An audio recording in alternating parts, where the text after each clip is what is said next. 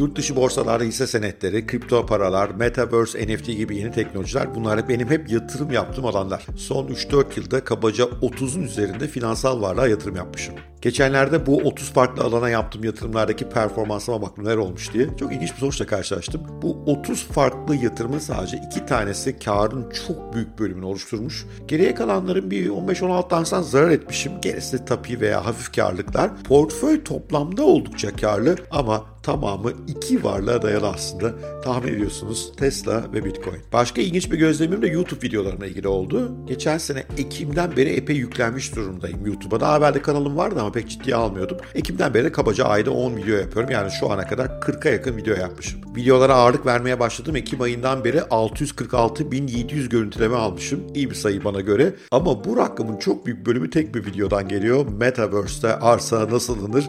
215.930 görüntüleme ondan. Bir sonraki en iyi video haftada 100 lira yatırım yaparak nasıl zengin olabilirsiniz? 58.937 görüntüleme. Bir sonraki en iyi videoda yeni kripto yatırım stratejimi açıklıyorum. O da 26.000 görüntüleme. Yani 40 videonun içerisinde 3 tanesi neredeyse dörtte üçünü görüntülemelerin yaratmış. Böyle baktığımızda hem yatırım seçimlerimde hem de video üretiminde epey verimsiz olduğum söylenebilir. Bir sürü şey yapıyorum. Aralarında çok azı tutuyor. Bu acaba benim verimsizliğim mi, başarısızlığım mı? Yoksa bu aslında iş hayatında ve yatırımcılıkta başarılı olmanın temel bir kuralı mı? Kafama bu biraz takıldı. Meseleyi araştırırken bu konuda benim tek olmadığımı gördüm. Mesela Warren Buffett da ömrü boyunca 400'e yakın hisse senedine yatırım yapmış. 10 tanesinden kazanmış parayı. Diyor ki o 10 tanesi olmasaydı muhtemelen oldukça fasat bir yatırımcı olacaktım. 400'de 10. Bir başka örnek Walt Disney. Walt Disney ilk başarılı filmine kadar 400 tane ortalama başarılı veya başarısız çizgi film üretiyor. Stüdyosu bir kere batıyor, ikinci kez batmak üzere. O sırada Pamuk Prenses ve Yedi Cüceleri yapıyor büyük başarı kazanıyor film. Gişede 8 milyon dolar ciro yapıyor 1936 yılı. O dönem için dev bir para. Ve bir yandan film Oscar ödülünü de kazanıyor. Walt Disney'in hayatı bir anda değişiyor. Bütün borçlarını ödüyor, stüdyoyu büyütüyor. Bugünkü devasa Disney İmparatorluğu'nun temelini atmış oluyor. Bütün bu örneklerden şunu çıkarabiliriz sanırım. Büyük başarılar bir sürü denemenin sonunda geliyorlar. Büyük başarıların ruhunda verimsizlik var, hatalar var, gözyaşı var. Büyük başarılar çok iyi planlanmış, çok doğru seçimlerle olmuyor. En doğru hissi senin seçmenize gerek yok. En iyi filmi seçmenize gerek yok. Daha çok yapmanız gereken şey bir sürüsünü denemek ve onlardan bazılarını tutacağına güveniyor olmak. Bugün bu çok ilginç kavramı ele alıyor olacağım. Bu kavrama uzun kuyruk kavramı adı veriliyor. İngilizce'de uzun kuyruk nedir ve neden çok büyük başarıların biz kuyruğun ucunu görüyoruz. Büyük başarıyı görüyoruz ama aslında oraya kadar dünyanın mücadelesi bir sürü deneme yanılma yapılmış oluyor.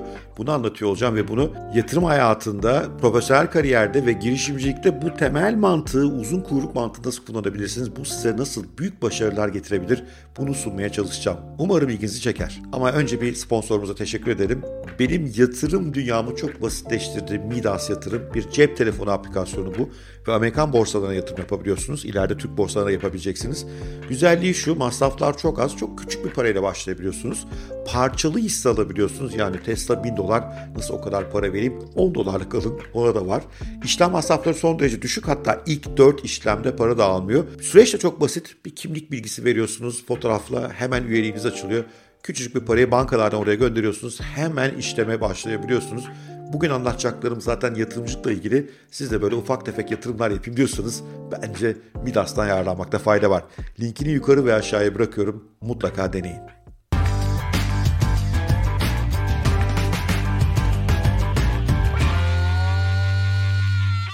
Süper yakışıklı aktör Brad Pitt'in sinema endüstrisi konusunda müthiş bir yorumu var. Diyor ki bu sektörde 30 yıldan beri çok çalıştım. Sanırım işin matematiği şu bazı projeler iş yapıyorlar bazıları iş yapmıyor. Sonuçlar alındığında lafı uzatmada pek anlamı yok. Eğer kötüyse bir sonraki projeye geçmelisiniz o kadar. Çok samimi geldi bana bu söyledikleri. Diyor ki bu kadar yıl bu işin içindeyim. Ben de bilmiyorum. Deniyoruz, bakıyoruz. Bazen tutuyor harika oluyor. Tutmazsa da bir sonraki projeye geçiveriyoruz.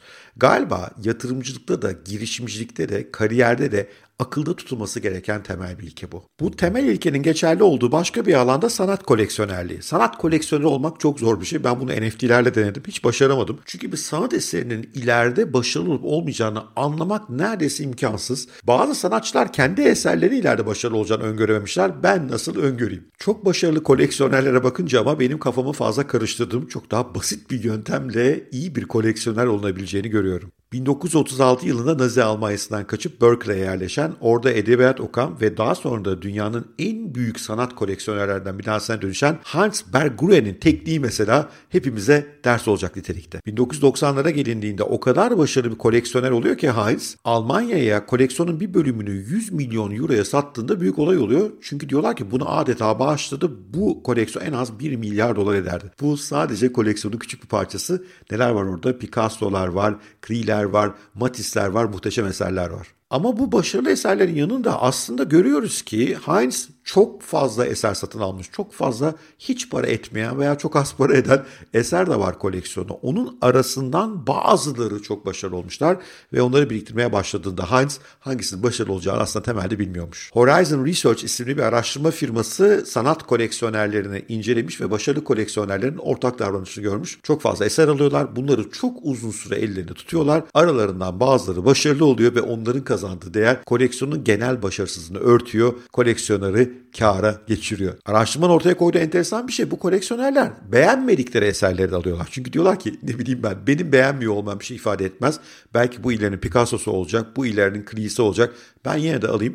Bakıyorlar ki ilgi çeken bir eser var. Alıyorlar, koyuyorlar kenara ve uzun süre üstüne yatıyorlar. Çok fazla şeye yatırım yapıp bunların bazılarından olağanüstü sonuçlar yaratmak, diğerlerindeki zarara da katlanmak aslında risk sermayedarlarının uzun süredir kullandığı bir yöntem. Risk sermayedarları startuplara yatırım yapıyorlar. Yani daha kuruluş aşamasındaki teknoloji şirketlerinin bunların gelecekte hangisinin başarılı olacaklarını bilmiyorlar. O yüzden pek çoğuna aynı anda yatırım yapıyorlar. Correlation Ventures isimli bir şirket 2004-2014 arasında risk sermayedarlarının yatırım yaptığı 21 bin girişimi incelemiş. Sonuçlar oldukça enteresan. Yatırım yapılan 21 bin şirketin %70'i batmış gitmiş sıfırlanmış oraya yatırılan paralar. %1'i 20 kat civarında getiri yaratmış. Sadece %yarımı 50 katın üzerinde yatırım getirisi sağlamış risk sermayedarına. Yani bir diğer deyişle risk sermayedarları %70'inde kararlarının tamamen yanılmışlar. %20 %20'sinde eh fena olmayan kararlar vermişler. %1'inde ikisinde gerçekten güzel kararlar vermişler ve bu bütün zararları telafi ettiği gibi onlara kar da getirmiş. Şimdi diyeceksiniz ki startuplar çok riskli hocam orada bu işe yarayabilir ama büyük şirketlerde böyle olmaz. Ünlü yatırım şirketi JP Morgan'ın tam da böyle şirketlere yatırım yapan bir fonu var Russell 3000 diye. Küçüklü büyüklü ama uzun yıllardır borsada işlem gören öyle startup olmayan şirketlere yatırım yapıyorlar. 1980'den 2019'a kadar olan sürece baktığımızda bu 3000 şirketin %70'ini hisse senedi değeri düşmüş ve bir daha asla toparlanamamış. Fonun karının tamamı da bu 3000 şirketin sadece %7'sinden geliyor. Yanlış anlamayın bunlar startup değiller. Bunlar çok riskli şirketler değiller. Bunlar uzun zamandır borsada işlem gören şirketler. Ona rağmen bu alanda da yaptığınız yatırımın çok küçük bir bölümü karın toplamını getiriyor. 2018 yılında S&P 500 endeksinin ki olabilecek en büyük şirketlerin bir arada toplandığı endekstir. Bu endeksin yatırım getirisinin %6'sı sadece Amazon'dan gelmiş. Amazon'un karlılığı nereden geliyor derseniz Amazon'un karlılığı da onlarca ürün içerisinde bulut işlem hizmetlerinden ve prime hizmetlerinden geliyor. Bir başka enteresan örnek aynı yıl 2018 yılında yine S&P'nin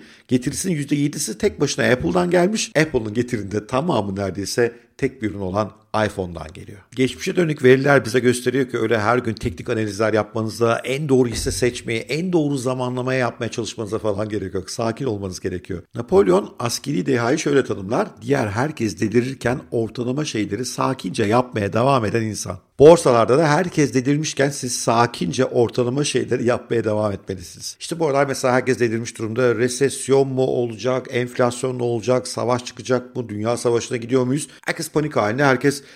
en düşükten alayım, en yüksekten satayım. Her gün chartlara bakıyorlar, grafiklere bakıyorlar. Ama anlaşılan o ki bütün bunlara hiç gerek yok. Son derece sakin bir tavırla ortalama bir şekilde aynı şeyi düzenli yapmaya devam etmeniz lazım. Bu bölüm hazırlanırken yine bolca yararlandığım Morgan Housel'ın kitabı The Psychology of Money'de bu konuda harika bir örnek veriyor. Üç tane karakter var bu örnekte. Sue, Jim ve Tom. Bu üç hayali karakter oldukça uzun yaşıyorlar. 1900 yılından 2019 yılına kadar ve her ay 1 doları hisse senetlerine yatırmaları mümkün. Suyu bu karakterlerden en kalender olanı her ay ne olursa olsun savaşta çıksa, kıyametlerde kopsa, resesyon da olsa gidip 1 dolarlık hisse senedi alıyor. Jim biraz daha uyanık. Jim'in yapmaya çalıştığı şey resesyonun olduğu aylarda hisse senedi almıyor. Resesyonun olmadığı aylarda hisse senedi alıyor. Tom ise biraz daha farklı bir karakter. Resesyona rağmen almaya devam ediyor. Sabrediyor ama 6. ayında resesyonun pes edip almayı kesiyor. Resesyon bittiğinde de hemen hisse almaya başlıyor. Biraz şüpheci çünkü bir 6 ay kadar geçip de ekonominin gerçekten rahatladığını görürse gidip hisse senedi alıyor. Şimdi ne beklersiniz? O müthiş zamanlamaları yapan Jim en iyi parayı kazanacak. E, riskini iyi yöneten Tom iyi para kazanmalı. Hiç riske miske bakmayan Stu'nun hiç para kazanmamış olması lazım. Gel gelelim sonuçlar hiç öyle değil. Hiç aldırmayan, hep yatırım yapmaya devam eden, resesyonmuş, enflasyonmuş, savaşmış bütün bunlardan bağımsız olarak her ay 1 dolar yatırmaya devam eden Stu 2019 yılına geldiğinde 435.551 dolara sahip oluyor. Risklerini süper yöneten, milimetrik yatırım yapmaya çalışan Jim'in performansı 250 57.386 dolar. Ortalama giden işte bir resesyon başladığında hemen kararını değiştirmeyen, resesyon bittiğinde hemen kararını değiştirmeyen Tom'un ise getirisi sadece 234.476 dolar. Bu periyotta 1428 tane ay var. Bunun 300 aşağı yukarı resesyonda geçiyor. Yani zamanın %22'si suyu buna aldırmıyor, yatırmaya devam ediyor. Peki neden daha yüksek bir getiri elde ediyor? Çünkü bu sayede borsanın aniden yükseldiği az sayıda ama yatırım getirisinde büyük etkisi olan günleri kaçırmıyor. Yani nereye geldik yine? Uzun kuyruğa geldik. Bir sürü gün var, 1428 tane ay var ama o kadar zaman içerisinde birkaç gün var ki orada borsa %20, %30, %40'lık getiriler var. İşte suyu onları kaçırmıyor. Jim ise onları kaçırıyor. Tek fark burada. Biliyorum bu anlattıklarım ilk başta size mantıklı gelmiyor ama rakamlar bunu söylüyor. Çok fazla şey denerseniz ve bunu düzenli yapmaya devam ederseniz sonunda büyük bir başarı elde etme şansınız girişimcilere daha fazla, yatırımcılara da fazla. Bence profesyonel hayatta da öyle. Profesyonel hayatta da daha fazla kariyer opsiyonu deneyenler, daha fazla şirket deneyenler aslında sonunda galiba daha doğru işleri buluyorlar ve daha başarılı oluyorlar. Bununla ilgili de yakında bir bölüm hazırlamayı düşünüyorum. Ama hatalarınıza barışmalısınız. Mükemmel kararın peşinde olmamalısınız. Hata yapınca kendinizi dövmemelisiniz. Hatta hata yapmıyorsanız sorun olduğunu düşünmelisiniz. Jeff Bezos Amazon'un kurucusu Fire Phone isimli bir cep telefonu donanımı üretmeye çalışıyor bir ara. Süper başarısız oluyor. Yönetim kurulu toplantısında eleştiriyorlar onu biraz. Diyor ki bakın diyor buradaki başarısızlığımın boyutu yeterli değil diyor. Daha büyük başarısızlıklar elde edeceğiz. Bana güvenin diyor. Herkes şaşırıyor. Çünkü diyor ki daha büyük başarısızlıklar bizi daha büyük başarılara götürecektir. Sakın beni durdurmayın diyor. Bir başka enteresan örnek Netflix'in CEO'su Red Hastings. Red Hastings için Netflix için için daha doğrusu doğru filmleri yakalamak çok önemli. Diyor ki Red Hastings biz bu aralar hep doğru filmleri yakalamaya başladık. Başarı oranımız aşırı artmış durumda.